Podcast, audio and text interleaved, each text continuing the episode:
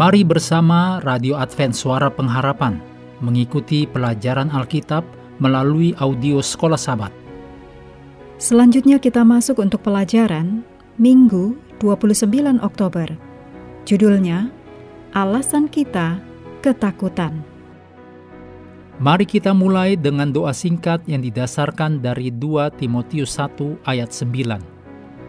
Dialah yang menyelamatkan kita dan memanggil kita dengan panggilan kudus. Amin.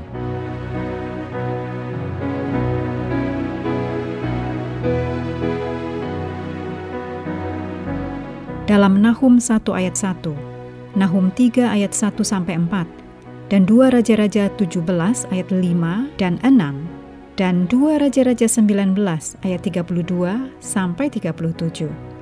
Ayat-ayat ini menyatakan tentang Nindewe dan tentang hubungan antara Asyur dan Israel, serta bagaimana hubungan ini memiliki pengaruh untuk keputusan Yunus lari ke Tarsis. Salah satu alasan Yunus untuk tidak mau pergi ke Nineveh adalah ketakutan.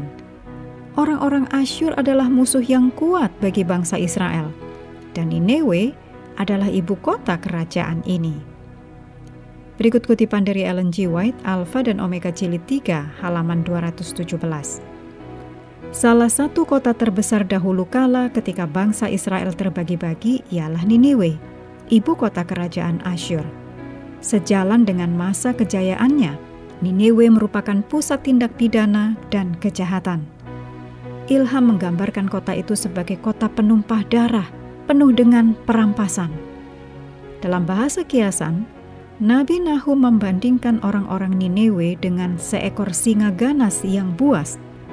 Kepada siapakah, tanyanya, tidak tertimpa perbuatan jahatmu terus-menerus?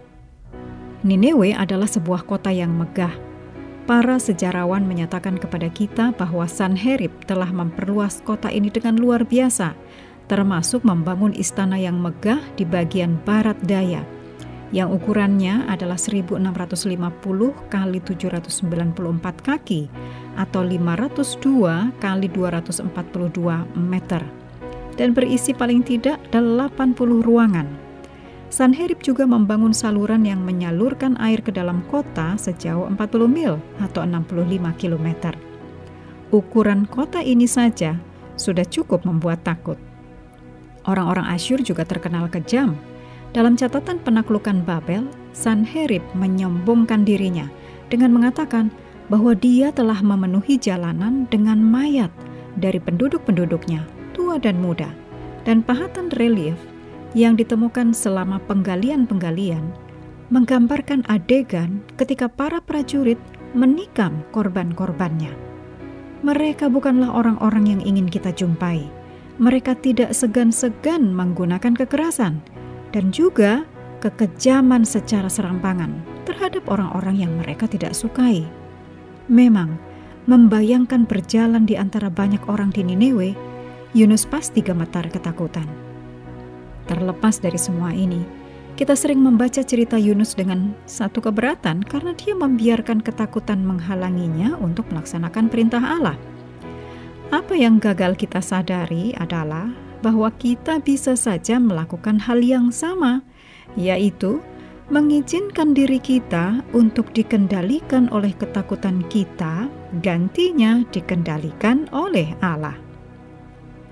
Pikirkan kembali pada satu saat ketika Anda benar-benar merasa bahwa Allah sedang menuntun Anda untuk melakukan sesuatu. Tetapi karena rasa takut, Anda benar-benar tidak ingin melakukannya.